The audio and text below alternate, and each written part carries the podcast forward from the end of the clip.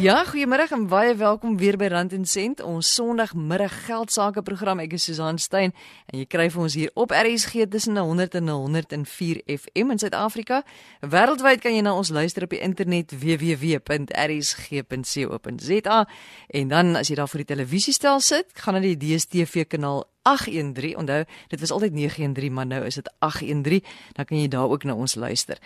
Rand en Sent is vanmiddag 'n soort vervolgverhaal op verlede week se program. Toe het ons gekyk na hoe mense dikwels versekerings kanselleer, veral in hierdie moeilike tye om 'n bietjie geld te spaar elke maand en hoekom dit 'n fout is en wat jy kan doen om jou premies miskien 'n bietjie goedkoper te maak sodat jy 'n bietjie kan spaar maar nog steeds veilig is met jou versekerings.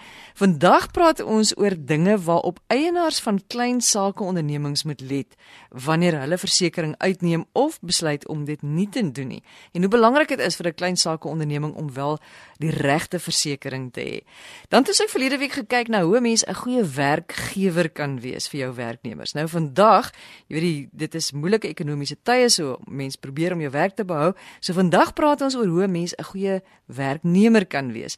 En dan gaan ons kyk na kredietgraderings. Ons weet almal, ons is almal bekommerd dat Suid-Afrika 'n rommelstatus gaan kry op die oomblik is dit is ons soort van net net daarbo. Baie mense is baie negatief En uh, ons gaan vanmiddag kyk na wat ons as verbruikers kan doen om ons Hoe sal mense nou sê ons finansiële spiere in hierdie tyd 'n bietjie sterker te maak sodat ons dan net 'n bietjie beskerm is teen uh, die moeilike tye en sou daar iets gebeur soos rommelstatus. Maar ons begin met versekerings. Aan die woord is Annelie Smith, sy is die korporatiewe hoof van Risk Benefit Solutions. Hulle is versekeringsmakelaars vir korporatiewe, kommersiële en persoonlike versekerings. En sy sê daar's 'n paar dinge wat klein sake ondernemings of eienaars van klein sake ondernemings doen of nie doen nie wanneer hulle uh, wanneer dit kom by versekerings. Susan, ons sien in die bedryf dat die kleiner besighede dink nie aan al die versekerings wat hulle nodig het nie. En dit is deels omdat hulle het nie genoeg kontant in die bank om daai geld uit te gee nie en ongelukkig weer eens is versekerings die laaste op hulle lys. So hulle gaan in en kyk na die minimale versekerings wat hulle nodig het om byvoorbeeld kontant by die bank te kan leen om stok te koop of so aan. In plaas van om te kyk wat gaan gebeur as die gebou afbrand en nou het ek my stok verloor en die bank vra vir hulle geld en ek kan nie enige inkomste kry vir 6 maande nie. Hoe gaan ek dan daai situasie hanteer? En by dit is die persoon wat vir my werk het het seer gekry tydens hierdie brand. So hulle dink nie aan al daai dingetjies nie want dit sluit alles maak jou premie bietjie hoër en weet hulle probeer geld spaar daardeur. So ek vind altyd dat die klein besighede moet 'n makelaar hê wat jou deur al daai punte kan neem. Dis baie makliker om te sê hoor hierso, ek kan nie nou bekostig om ongevalle dekking vir my staf te koop nie, maar ek kan dit op hou sit vir oor 2 maande of oor 3 maande. So gaan deur die lys van alle moontlike dekkings en dan weet jy wat kan jy bekostig en wat kan jy nie bekostig nie. Jou makelaar gaan dan ook vir jou sê waarsonder kan jy nie gaan nie. Jy weet hy kan dan vir jou sê, "Oké, okay, koop dalk branddekking, maar hierso waar jy nou is, hoef jy nie te worry oor 'n aardbewing dekking nie want daar is nie aardbewings hierso nie." So ons hoef nie nou vir jou daai dekking te koop nie. Of jy's 'n klein motorhandelaar en jy is nie in 'n haal 'n streek nie, so jy hoef nie nou te worry om haal net dekking te koop nie. Of jy is in 'n haal streek dekking, hierso jy moet haal as dekking koop. So gaan deur daai verskillende puntjies om seker te maak jy die regte dekking. Maak seker jy verstaan dat jy moet op nuwe vervangingswaardes sit baie van die mense dink omdat ek by die bank 100 000 rand geleen het vir my stok is 100 000 rand genoeg maar jy moet nou onthou jy het eintlik 200 000 rand se stok gaan koop maar nou sit jy 'n verhoogde waarde daarop as dit op jou rak staan so wat gaan jy verloor as daai brand nou gebeur het. Dit is nie net die 100 000 rand wat jy geleen het by die bank nie. Terselfdertyd met jy sit in 'n met 'n besigheid waar mense in en uitloop 10 teen 1 en jy moet aanspreeklikheid daarvoor koop. Nou weer eens, jy kan nie sê wie kom in jou as, uh, in jou besigheid in en wie nie. So vandag loop iemand daar in en hy hy val en dit is 'n Suid-Afrikaanse persoon en en hy eis R50000. Geen probleem nie, maar Môre kom daar 'n ou van Amerika ingestap. Hy val en nou wil hy sommer 'n miljoen dollar by jou eis. So dan gaan dit nie veel help dat jy 500 000 rand se aanspreeklikheidsdekking gekoop het nie. En dit is daai tipe van klein goedjies wat die mense ongelukkig op hierdie oomblik baie mee sukkel. En as jy nou daar bybring wat ek kan aangaan, weet elke tipe van risiko wat daar moontlik uh, verkrygbaar is in versekerings het 'n risiko daaraan as jy dit nie koop nie. Jy weet, solank jy verstaan hoekom jy dit nie gekoop het nie, kan jy gerus gaan slaap. Maar as jy nie weet wat jy nie weet nie, dan kan jy nie rustig slaap nie. Annelies sê sy het ongelukkig al heeltemal te veel kere gesien hoe mense in hulle hande huil as hulle nie verseker is nie of as hulle verkeerd verseker is. En in daai tye is dit gewoonlik maar mense wat dan heeltemal alles verloor, hulle word gesekwestreer. Ons het byvoorbeeld 'n 'n 'n maatskappy gehad wat kurkproppe gemaak het vir wyn. Hulle was verkeerlik verseker en toe daai wynproppe het hulle foute op en wel hulle het 'n hele uh, vir 'n bekende wynmakelaar dit verskaf en daai wynmakelaar moes alles nou van hulle af terug eis en ongelukkig is hulle gesekwestreer. Hulle bestaan nie meer vandag nie.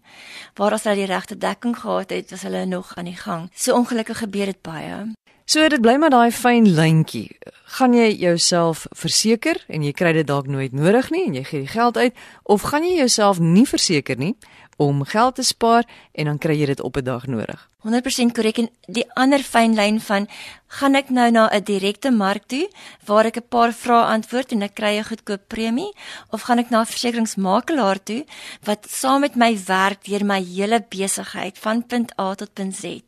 En ons maak seker dat wat moontlik gedek kan word wat en wat jy kan bekostig is gedek teenoor dit wat jy kan dek maar jy kan dit nie bekostig nie. Annelie sê sy het nog heelwat voorbeelde van mense wat uh, foute maak wanneer dit kom by versekerings, veral mense wat deesdae trokke koop om uh, vervoermaatskappye te begin. Die, die nuwe ding is ek kan baie geld maak om 'n trok te koop en ek gaan 'n bietjie goederes rondkarwei vir mense. So baie keer dan neem hulle daai trok aan en hulle neem nie die regte eh, transito dekkings uit nie want hulle verstaan nie wat se transito dekkings hulle moet uitneem nie. En nou verseker hulle die trok teen een ding en die transito dekking teen iets wat vir 100 000 byvoorbeeld maar hulle doen 500 000 rand se goedere bo op die trok dit gebeur redelik baie waar daai trok dan omval en dan moet daai arme klein hand uh, saakonderneming al daai daai stok terugbetaal vir sy kliënt. En die grootste probleem wat ons daar sien is die kontrakbewustheid van die van daai mense is hulle lees nie hulle kontrakte wat hulle uitgee na hulle kliënte toe as ook die kontrakte wat hulle teken met die verskaffers wat vir hulle nou hulle produkte gee wat hulle moet karwei nie. So ongelukkig sodra hulle met groot maatskappye begin werk dan deel jy met 'n kontrak wat baie negatiewe punte in het vir die transportpersoon en as hy dit nie verstaan en die dekking daarbey aanpas nie dan is hy heeltemal oopgestel aan enigiets wat kan gebeur. So dit is nie net meer vir my 'n aspek van versekerings nie op daai level nie, maar ook waar is jou jou legal aspek daarvan en waar is jou prokureur se insette om seker te maak dat jy nie jouself oopmaak vir eise wat na jou toe kan kom nie? Want baie van daai eise is nie versekerbaar nie. So as jy byvoorbeeld teken in jou kontrak dat jy neem care custody and control van van die produk wat op jou voertuig is en jy neem nie daai dekking uit nie is daar nie dekking nie. Terwyl jou prokureur sou vir jou baie duidelik gesê het verstaan jy wat jy hierso moet doen? En dan kan jy dit daarbey aanpas en jy kan beter gesels met jou kliënt om vir jou te kan vir hom te kan sê sorry ek is nie bereid om hierdie risiko te neem nie maar ek is bereid om daai risiko te neem. So ek dink net die klein uh, saakondernemings gaan nie diep genoeg in die details in van wat rondom hulle aangaan en kontrakte wat hulle teken nie. So sê Annelie Smith, sy is die korporatiewe hoof van Risk Benefit Solutions. Hulle is makelaars vir korporatiewe, kommersiële en persoonlike versekerings. Julle is dan rand en sent hier op RSG en ons gaan nou van die versekeringswêreld na die kantoor. Verlede week het ons gepraat oor hoe kan jy 'n goeie werkgewer wees? En hierdie week kyk ons, hoe kan jy 'n goeie werknemer wees? Want tye is is nie maklik nie en 'n mens moet maar dit is belangrik dat jy jou werk behou. So hoe kan jy 'n goeie werknemer wees en kan sorg dat jy jou beste gee om jou werkplek 'n gelukkige plek te maak. Aan die woord is weer Andrei Venter, hy is die woordvoerder van Johasa en Andrei, waar begin 'n mens om 'n goeie werknemer te wees? Om mee te begin, moet ons net weer teruggaan na die basiese beginsels toe van werk. Die belangrikste is as jy werk, moet jy besef dat jou kontrak is niks anders as 'n huurkontrak nie. Jy verhuur jou dienste en in in ruil vir die dienste wat jy verhuur, kry jy betaling. Maar daar's 'n klein kinkel in die kabel. Die kinkel in die kabel is dat die persoon wat wat jou betaal, die werkgewer, bepaal wat gedoen moet word en hoe dit gedoen moet word. En daarmee moet ons vrede maak want dit is die aard van die dienskontrak. As ons daarby hou, is daar klomp dinge wat daar uit voortvloei wat ons in gedagte moet hou. In die eerste plek moet jy seker maak dat jy basiese dinge reg doen. Soos byvoorbeeld, wees betyds. As jy bepaalde diensure het, word daar van jou verwag dat jy in daardie diensure moet jy teenwoordig wees en jy moet daar wees. So as jy 8uur moet begin, dan moet jy nie kwart oor 8 eers by die werk opdaag nie. Of as jy 8uur moet begin werk, moenie 8uur daar wees en nou eers gaan koffie maak en nog ietsie eet of ontbyt eet en so meer nie en dan eers miskien half 9 of as dit jou pas dalk kwart voor 9 dalk inval nie. So dit is belangrik om jou diensure na te kom. In die tweede plek, onthou wat ons gesê het by die dienskontrak, die werkgewer sê wat gedoen moet word en hoe dit gedoen moet word. So van jou as 'n werknemer word dan verwag dat jy moet opdragte, instruksies wat vir jou gegee word, as dit uh, redelik en wettig is, dan moet jy dit gehoorsaam, jy moet dit uitvoer. Ons kry so baie in die vakbond dat van ons lede soms perspektief verloor. Dan omskep hulle die werkplek in 'n tipe van 'n oorlogsveld en natuurlik word dit uh, aangehelp deur familie of vriende wat baie slim is, dan wil hulle altyd probleem soek met byvoorbeeld 'n toesighouer of 'n werkgewer wat opdragte uitdeel en dan wil hulle eintlik want wil die werk werknemer of ons lid wil dan eintlik bepaal hoe die werk gedoen moet word. Of sekere goed val nie binne uh, volgens die lid val dit nie binne die veld van dit wat hy behoort te doen nie. En dan begin daar allerlei dispute ontstaan in gruwe prosedures en so meer. En die ding word net groter en daar's net een persoon wat gewoonlik verloor. En dit is uh, ongelukkige werknemer So wanneer jy dan werk, is dit belangrik om vir jou werkgewer jou beste te gee. En om jou beste te gee beteken dan om jou probeer indink oor uh, as jy die werkgewer sou wees. Wat kan maak in jou dienslewering dat die werkgewer beter doen met sy besigheid. Hoe kan hy sy besigheid uitbrei?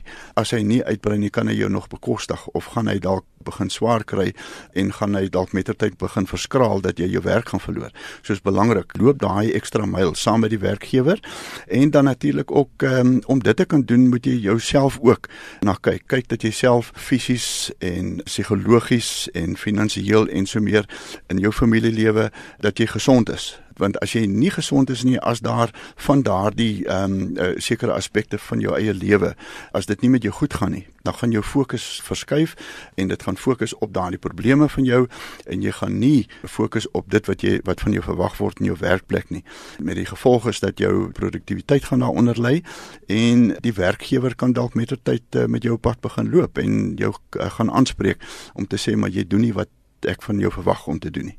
So wat dit dan beteken in die werkplek is dat uh, 'n mens moet maar kyk, wat is daar ekstra wat ek kan doen? Watse voorstel kan ek maak vir die werkgewer?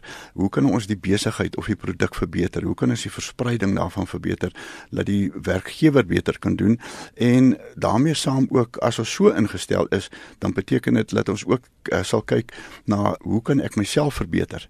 Watse kursusse is daar wat ek kan gaan bywoon uh om myself te verbeter sodat ek uiteindelik beter uh nie net vir hierdie werkgewer kan wees nie, maar dat dan ook moontlik ander geleenthede vir my oopmaak wat ek dalk werk by 'n ander werkgewer kan gaan aanvaar en myself dan nog verder uitbou en verbeter. En dit was Andrei Venter, hy is die woordvoerder van Johasa.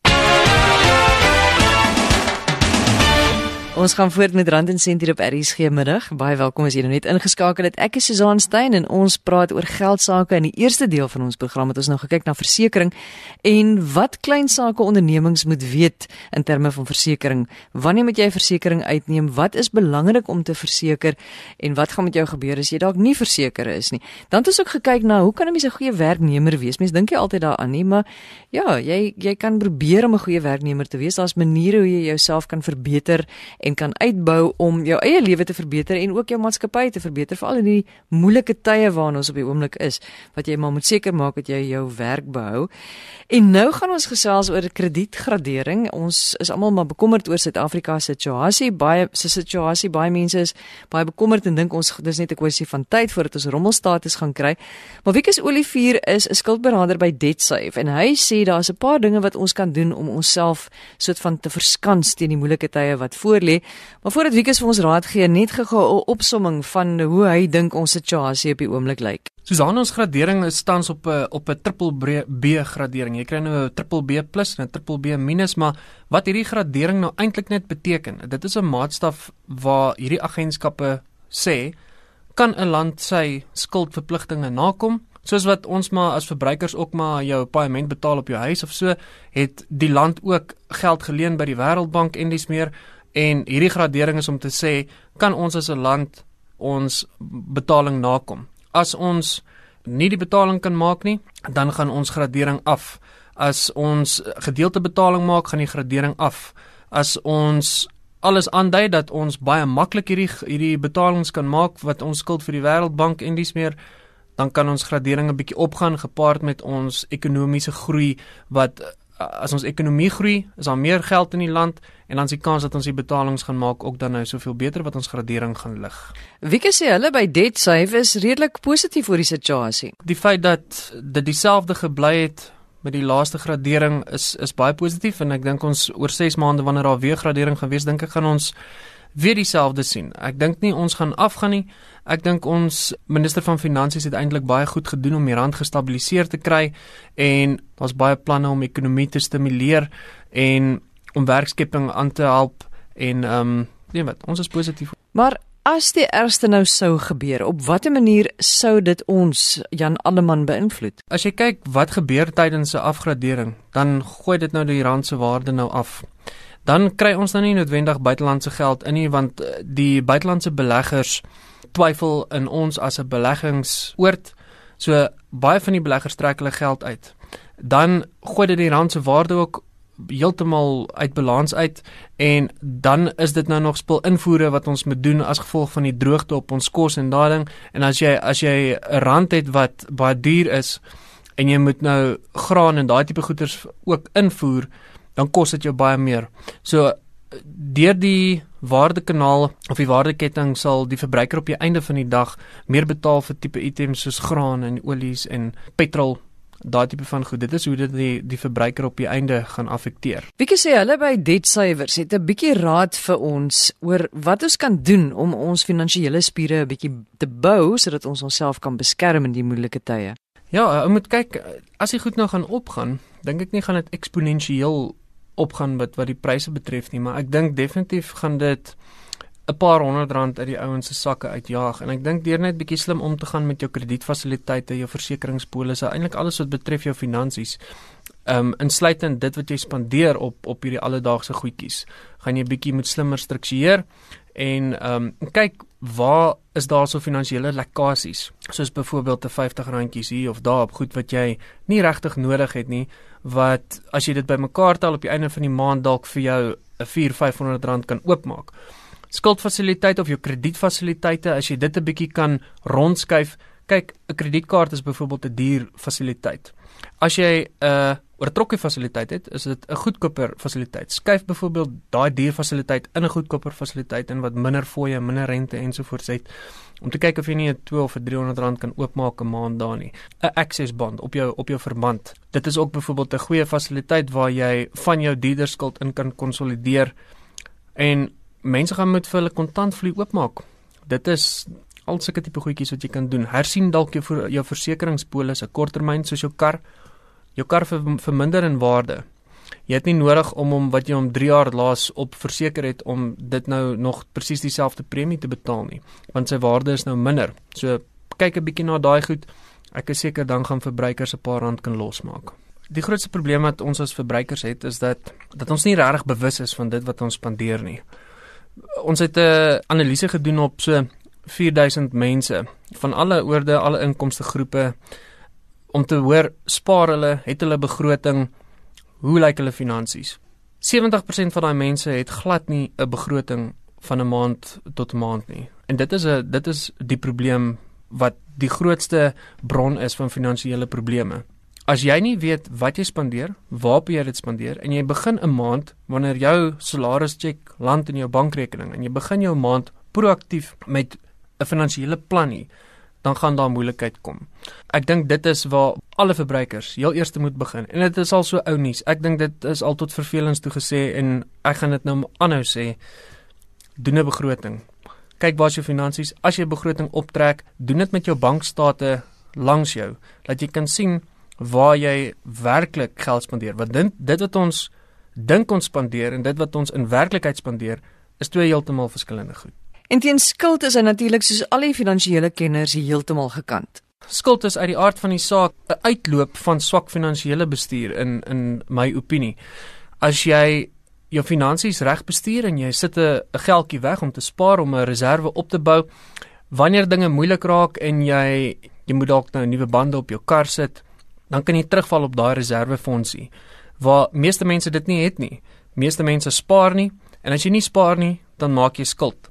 En dan val jy nou terug op op hierdie skuld in in noodgevalle omstandighede, soos jou kredietkaart en daai tipe van ding. So wees proaktief met jou finansiële bestuur. Moenie altyd op op skuld staat maak om jou uit die gemors uit te help nie, want skuld veroorsaak net meer en meer gemors want skuld is duur as jy 'n rand leen, dan gaan jy eintlik 2 rand terugbetaal. So dit is baie duur geld. Jou eie geld is 'n rand vir 'n rand. So mense moet mense moet daai konsep verstaan.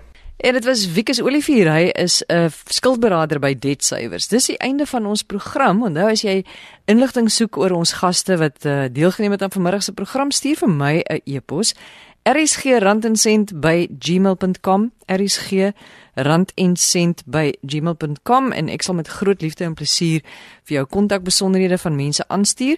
En daai e-posadres moet jy natuurlik ook gebruik as jy vir ons wenke het of as jy wil deelneem aan ons program of enige probleme het.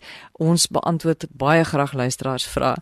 Dankie almal vir die saamluister. Volgende week uh, gesels ons verder en uh, in hierdie stadium gaan ons volgende week kyk na hoe kan 'n mens jou kind leer om met geld te werk sodat wanneer daai kind enige groot mens is dat hy of sy presies weet hoe om met hulle geld te werk en uh, makliker deur die lewe gaan. So baie belangrik, ons het 'n hele klomp wenke. Hoe kan 'n mens jou kind leer van kleins af om goed met geld te werk, om die waarde van geld te besef en ook om nie bang te wees om geld te verdien nie. En ons gaan ook kyk dat wanneer jy 'n student is, op watter maniere kan jy 'n bietjie geld spaar sodat jy nie al jou studentbeursgeld of jou lenings uh, uitgee nie. Goed, tot volgende week van my Susan Stein. Dankie vir die saamluister. Totsiens.